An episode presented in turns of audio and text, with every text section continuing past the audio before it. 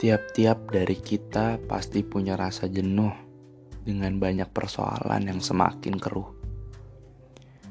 Masalah silih berganti tak menentu.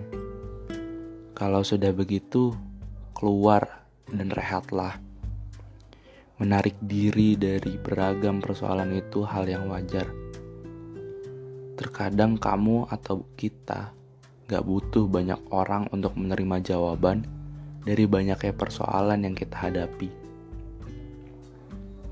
Yang mengerti keadaanmu ya dirimu sendiri.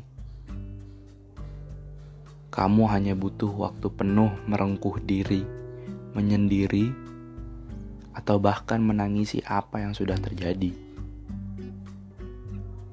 Kamu akan menyadari betapa romantisnya kamu terhadap dirimu di waktu sendiri. Dari menyendiri, kamu akan lebih tahu kebutuhan diri. Setelah itu, jangan berlarut-larut. Keluar lagi dan berteriaklah. Biarkan semesta tahu kamu adalah pribadi yang baru. Kamu adalah kamu yang punya semangat baru. Kamu adalah kamu yang enggan mempermasalahkan masa lalu kamu adalah kamu yang memaafkan masa lalu. Aku tahu bagaimana sulitnya memaafkan masa lalu. Aku pernah di posisi itu.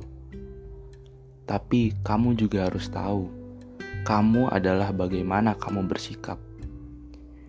Masalahmu adalah hasil dari pengambilan sikapmu.